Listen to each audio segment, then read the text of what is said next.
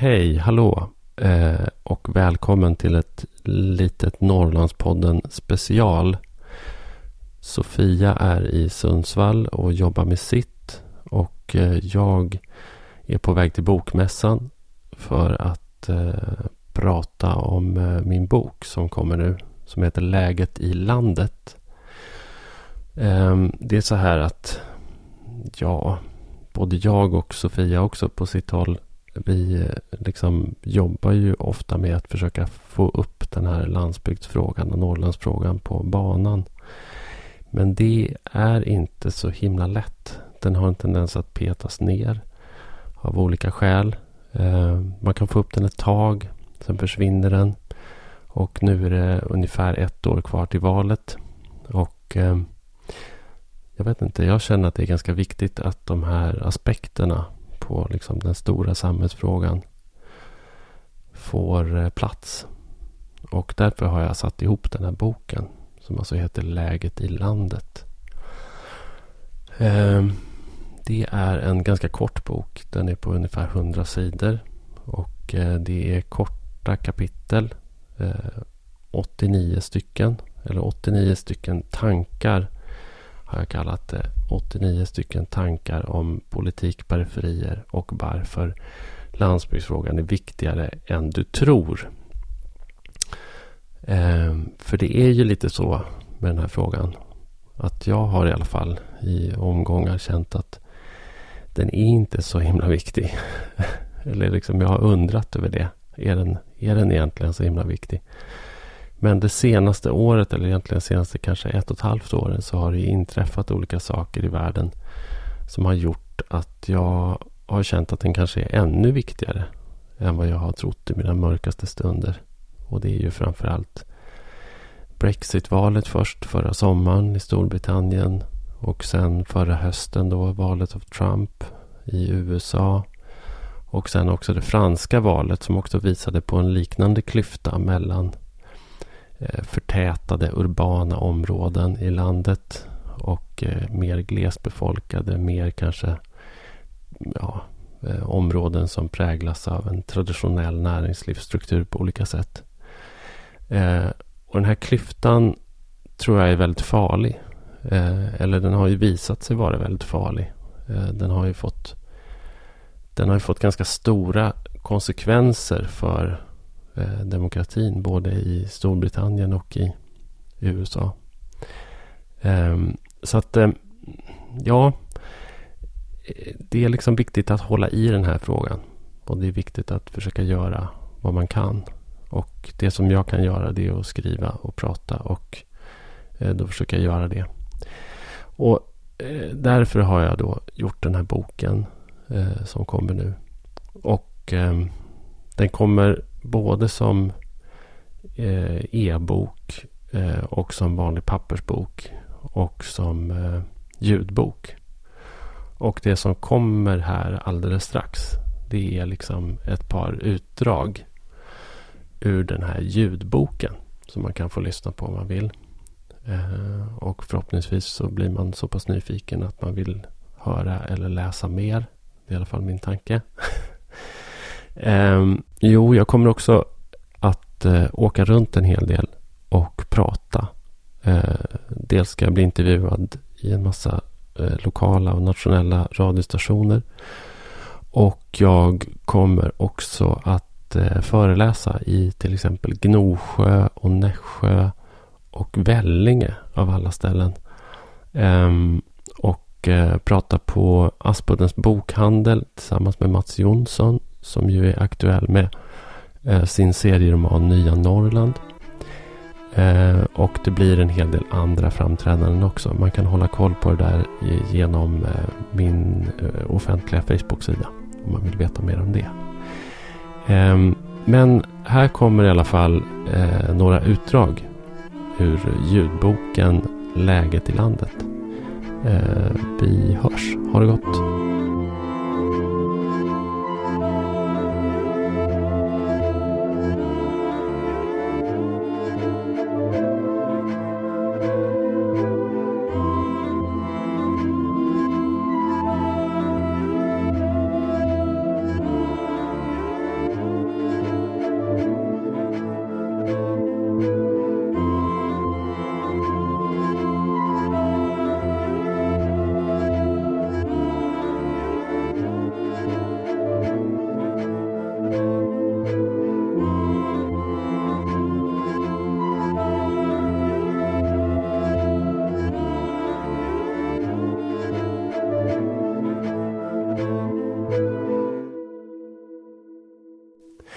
27. Så vitt man bor i en by måste man bry sig, skrev Sara Lidman. Hon använde ofta Missenträsk som en bild av världen. Kanske är det omöjligt att fly vetskapen om att vi är beroende av varandra om man bor bland en klunga hus i skogen. Rent praktiskt och konkret sker det förstås ganska sällan att någon faktiskt knackar på och har kört fast eller vill låna några ägg. Men vi vet att vi kan komma att behöva varandra. Det är en insikt som inte skulle skada även annorstädes. 28. Mer elände. Antalet journalister minskar stadigt i Sverige och den svenska landsbygden är särskilt drabbad eftersom avfolkningen, digitaliseringen och förändringarna på arbetsmarknaden. Lokala näringsidkare har försvunnit och ersatts av e-handel och volymhandelsområden. På ett olyckligt sätt samverkat och försatt lokalmedierna i en svår sits. Den klassiska och rätt oglamorösa kommunbevakningen är ett av de moment som det dragits ner mest på. Ofta på kvällstid, ofta långtråkigt och händelsefattigt för en journalist som utför jobbet, men viktigt för den demokratiska dynamiken. En lokaltidnings bevakningsområde består ofta av flera kommuner och fram till för några år sedan var det regel att det fanns ett lokalkontor med en eller flera lokalkorrespondenter. Idag står en stor mängd landsbygdskommuner helt utan närvaro från medierna. Och detta samtidigt som kommuner och regioner kraftigt byggt ut sina informationsavdelningar för att nå ut med sin platsmarknadsföring. Så medan byskolorna stänger och kommunerna töms alienerar kommunernas alltmer månghövdade skara informatörer sin återstående befolkning med sagor om tillväxt. Journalistik är, som det brukar sägas, samhällets samtal med sig själv och försvinner tidningarna är det bara en part kvar som står och skriker. Landsbygdens befolkning kan tyvärr inte lita på att storstadsmedierna ska fylla tomrummet. De flesta undersökningar visar snarare att landsbygds och politikbevakningen minskat drastiskt i tidningar som Dagens Nyheter eller Svenska Dagbladet. Nyhetsbevakningen har därtill en tendens att ersättas av exotiserande resereportage eller skildringar av landsbygden som kuriositet. Den blir allt mindre verklig, både för stadsborna och de som mot förmodan bor där. När de fyra rikstidningarna drog sig tillbaka från landsbygden lutade de sig under många år mot TT som sedan 2013 också stängt ner ute i landet. Även TV4 är borta nu. 29. Mediehusen agerar enligt marknadens logik. De vill vara där det finns täthet och många människor. 30. De mänskliga och sociala konsekvenserna av tidningsdöden är att den urbana normen förstärks och att lokalsamhället förlorar kraft när människors livsbetingelser inte speglas. Det blir fritt fram för kommunal korruption och för det informationsunderskott och den populism som präglar de sociala mediernas filterbubblor. Vi får oinformerade medborgare, maktfullkomliga institutioner och vilsna människor. 31. När allt var som mest postmodernt, för inte så länge sedan, frågade man sig alltid vems historia som berättades, vems erfarenheter som räknades. Den trenden nådde aldrig kommunernas och regionernas informatörer. De berättar positiva nyheter, utan undantag. De berättar vinnarnas historia. Samtidigt finns det en ganska stor grupp människor, antingen för att de själva drabbats eller bara är allmänt bekymrade över utvecklingen, som upplever att utvecklingen på hemorten inte går åt rätt håll. Skolan och lanthandeln kan ha lagt ner. Bussen kanske har dragits in. BB har stängt och företaget har gått i konkurs. I det här glappet lever många människor på svensk landsbygd trängda mellan det offentliga narrativet och den egna upplevelsen. Jag skulle vilja säga att de skattefinansierade framgångsberättelserna är exkluderande, att de stänger människor ute från politiken. Om folkrörelserna tidigare samlade människor för att ställa saker till rätta och åstadkomma djupgående förändringar så handlar lokal demokrati idag allt oftare om att få en inbjudan till en workshop med en konsultbyrå för att vara med och utveckla sin kommun. Gärna genom att brainstorma fram positiva buzzwords. 32. En konsekvens av de ekonomiska idéer som präglade svensk politik från 1990-talet och framåt är att saker som för inte så länge sedan betraktades som offentliga samhällstjänster har blivit produkter, varor och tjänster på en marknad. Det handlar om allt ifrån post och teletjänster och offentliga kommunikationer till vård, skola och omsorg och medicinförsörjning. Få kan eller vill argumentera mot att detta har varit positivt för individens valfrihet på de platser där marknaden vill vara och fungerar bra. Problemet är att det inte fungerar överallt.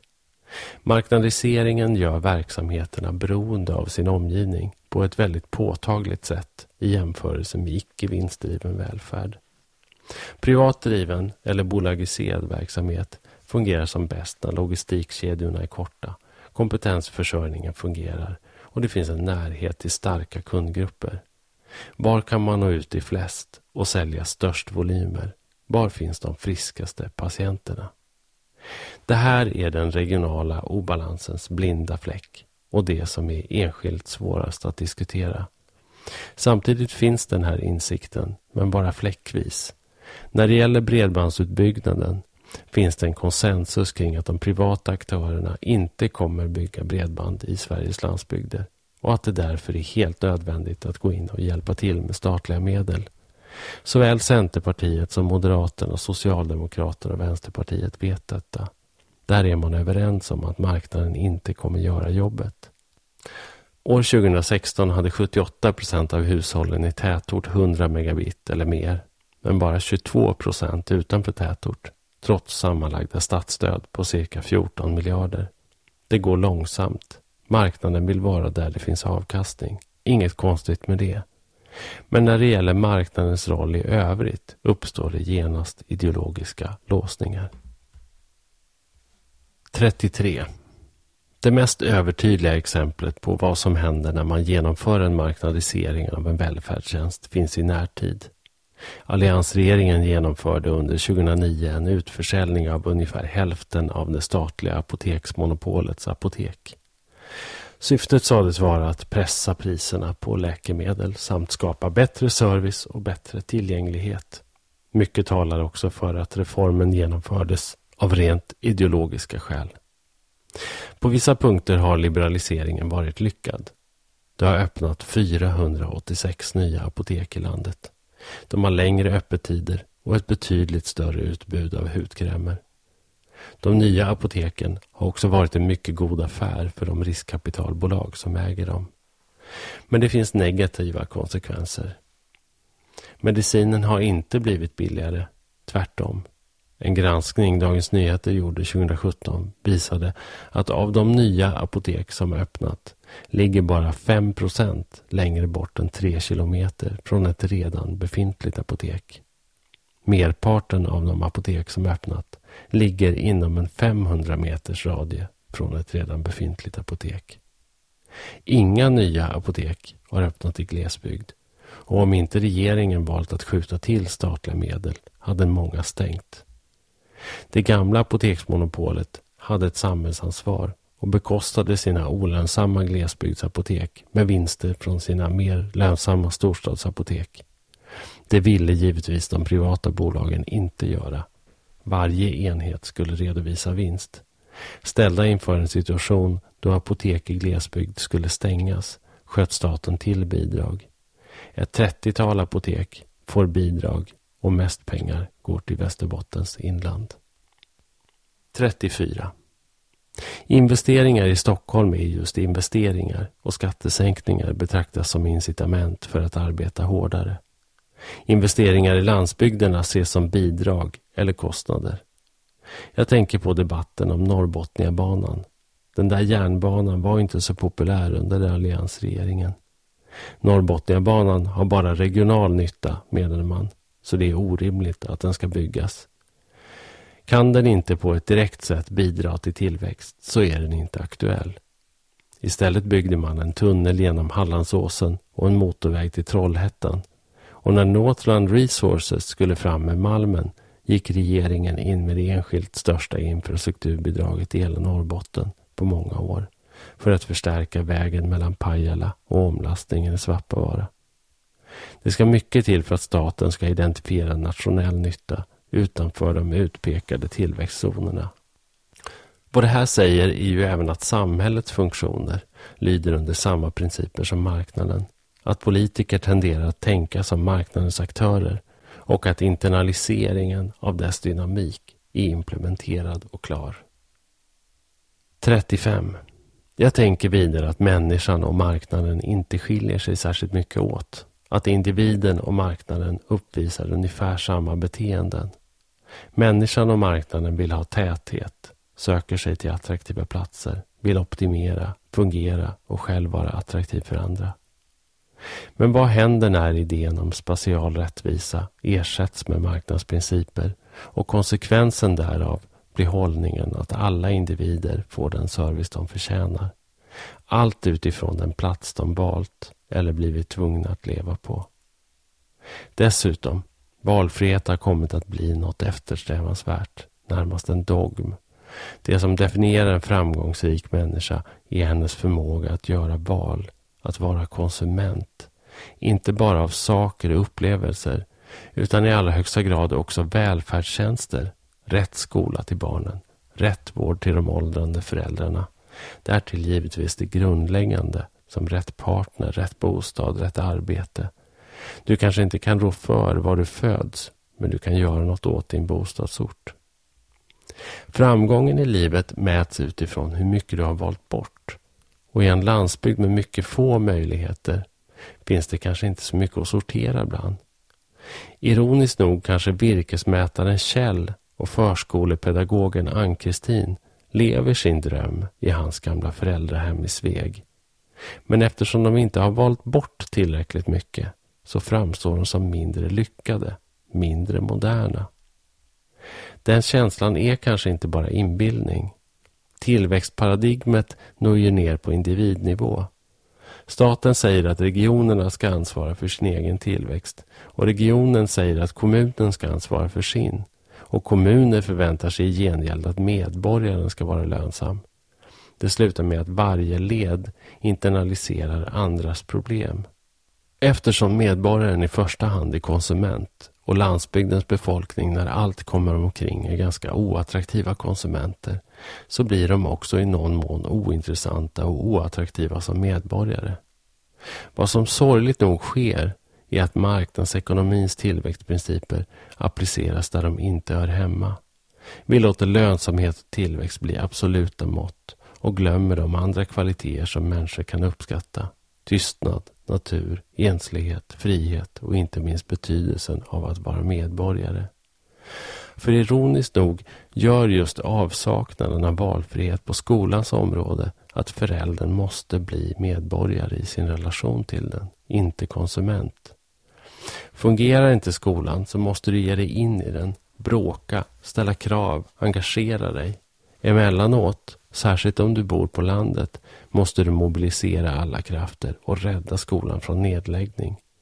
I sådana situationer bor givetvis en känsla av utsatthet, men också en förståelse för vad demokrati och medborgarskap går ut på. 36. Personligen kan jag också tycka att det är ganska skönt att inte bli tilltalad i egenskap av konsument. Det är ingen som vill mig någonting där jag bor, så att säga. Det är ingen som vill sälja någonting till mig. Jag får vara i fred. 42. Det urbana går att förstå som en norm, ett kraftfullt värdesystem som sammanfattar vår tids gångbara värderingar. Det moderna liberala projektet mångkultur, valfrihet, tolerans, kunskapssamhälle, miljömedvetande är ett renodlat urbant projekt. Det har inte blivit så av en slump. Både politiken och marknaden har under en väldigt lång tid fokuserat på de förtätade miljöerna. Marknaden vill vara i staden för det är mer lönsamt att befinna sig där och politiken vill vara i staden för att de vill vara där marknaden och väljarna är. Och sen rullar det på. Övriga ytor hamnar i skuggan. 43. Det finns en förundran i det urbana samhället över att landsbygden fortfarande finns kvar. Det är liksom oklart vad den ska vara bra för, förutom mat och råvaruproduktion. Den är på många sätt ett passerat evolutionärt stadium. Människan gick på alla fyra, reste sig, vandrade ut ur skogen, uppfann plogen, förtätade sina boendemiljöer, skapade städer och startade juicebarer. Och människan såg att det var gott. 44. Men ibland gör sig landsbygden plötsligt påmind och den visar sig nästan alltid vara helt obegriplig. När det just varit ett val och resultatet inte stämmer med samhällets allmänna självuppfattning vill man gärna förstå hur det hänger ihop, det där med staden och landet. Hur tänker de där ute? De där som röstar mot sitt eget bästa. De där som verkar betrakta demokratin som en balsal man stövlar in i och pruttar högljutt så att alla måste storma ut för att undslippa stanken. Densiteten, befolkningstätheten, spelar en avgörande roll inte bara i USA utan i Brexitvalet och i det franska presidentvalet. De som hamnat i bakvattnet, jordbrukare, tre av fyra röstade på Trump, industriarbetare och vanlig landsbygdsbefolkning tar chansen att hämnas när de erbjuds tillfälle. De tror inte längre på att liberaler och socialdemokrater ska göra tillvaron drägligare för dem. De kanske inte tror på SD, Front National eller Trump heller. Men de visar ju i alla fall lite tåga. De vill någonting, även om det är oklart vad. Övriga partier tycks med stadens framgång som universellt mått anse att alla gamla politiska projekt är avslutade. Välfärdsstaten är färdigbyggd, Berlinmuren är riven och infrastrukturen är på plats. Vi har nått den postpolitiska eran, toppen av Maslows behovstrappa. Det enda återstående politiska projektet i vår tid handlar om mångfald, tolerans och valfrihet. I de övermogna västerländska demokratierna har nyheter om ökad jämlikhet, mångfaldsarbete och homoäktenskap blivit det som skapar tilltro till framsteget. Det finns inte mycket annat att glädja sig åt. Inga lönehöjningar för medelklassen, inga arbetsrättsliga framgångar, inga storslagna samhällsprojekt som inkluderar även de mindre bemedlade. 45. Om man nu inte befinner sig på Maslows högsta steg, om upplevelsen snarare är denna, att allt går en förbi, motorvägen har dragits om runt småstaden, tillverkningsindustrin har flyttat till Kina, vården sköts av överbetalda stafettläkare och luften har gått ur klasskänslan och de lokala gemenskaperna. Då är landsbygdens medellöshet giltig också i en metafysisk dimension. Det vanligaste jobbet på den amerikanska landsbygden är lastbilschaufför. Samtidigt räknar man med att det bara dröjer tio år innan förarlösa lastbilar börjar ta över transporterna. Hur man förhåller sig till en sån nyhet avslöjar vem man är. Du kan tänka att det är bra för miljön med elektrifierade tunga fordon och att det är toppen att tunga, monotona arbeten automatiseras. Eller också undrar du hur du ska försörja din familj och vilken just din roll ska vara i den nya kunskapsekonomin. Tesla-grundaren Elon Musks ambition att bygga en flotta av eldrivna långtradare ses som en välgärning av den urbana medelklassen men som ett hot om kulturkrig av den amerikanska arbetarklassen. Många av de steg som betraktas som positiva för ett samhälle där det urbana är enorm täthet, delningsekonomi, automatisering, grön skatteväxling är enorma orosmoment för landsbygdens befolkning. Oron tar sig, särskilt i USA där kapitalismen är hårdare, utbildningssystemet och välfärden mindre utjämnande och landsbygdens medier nedlagda eller politiserade. Ofta väldigt otrevliga uttryck. Nu säger populisterna att vi ska lyssna på uttrycken, normalisera symptomen liksom. Det säger sig självt att det är en destruktiv strategi. Vi vet mycket väl vad som händer då. Landsbygdens befolkning behöver få känna sig delaktiga i det moderna projektet. Det är dit vi måste nå. Landsbygdsbefolkningen måste få ta del av framstegen, tillväxten och produktivitetsvinsterna.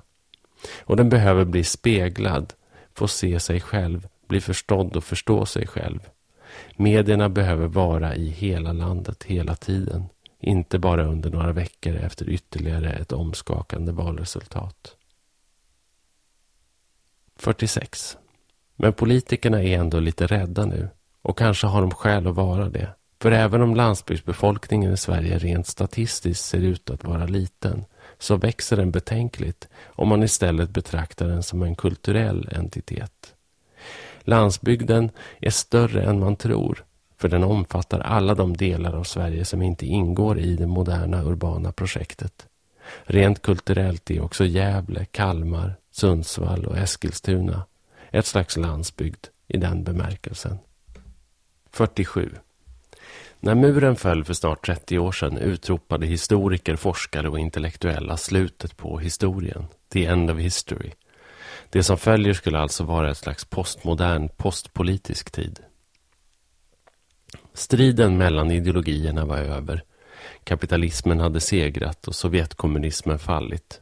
Ett mål var uppnått, ett sista hinder på vägen mot ett blomstrande västerland i en globaliserad marknadsekonomi.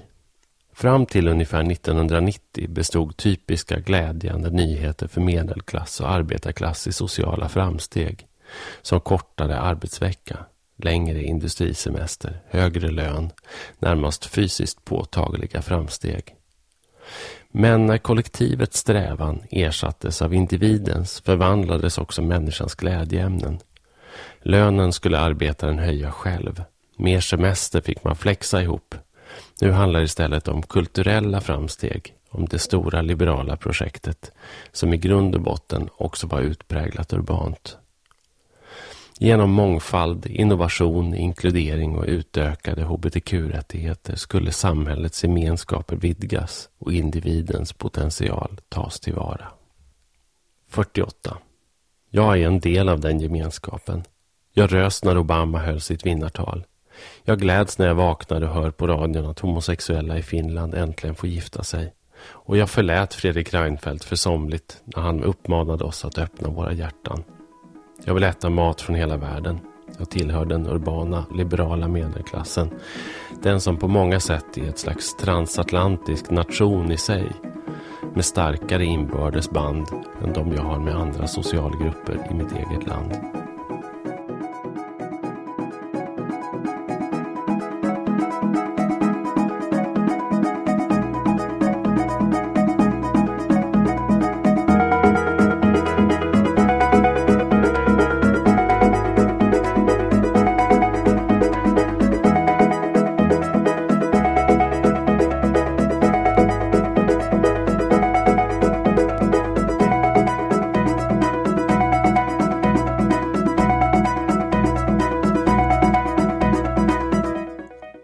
Norrlandspodden är en produktion från Teg Publishing.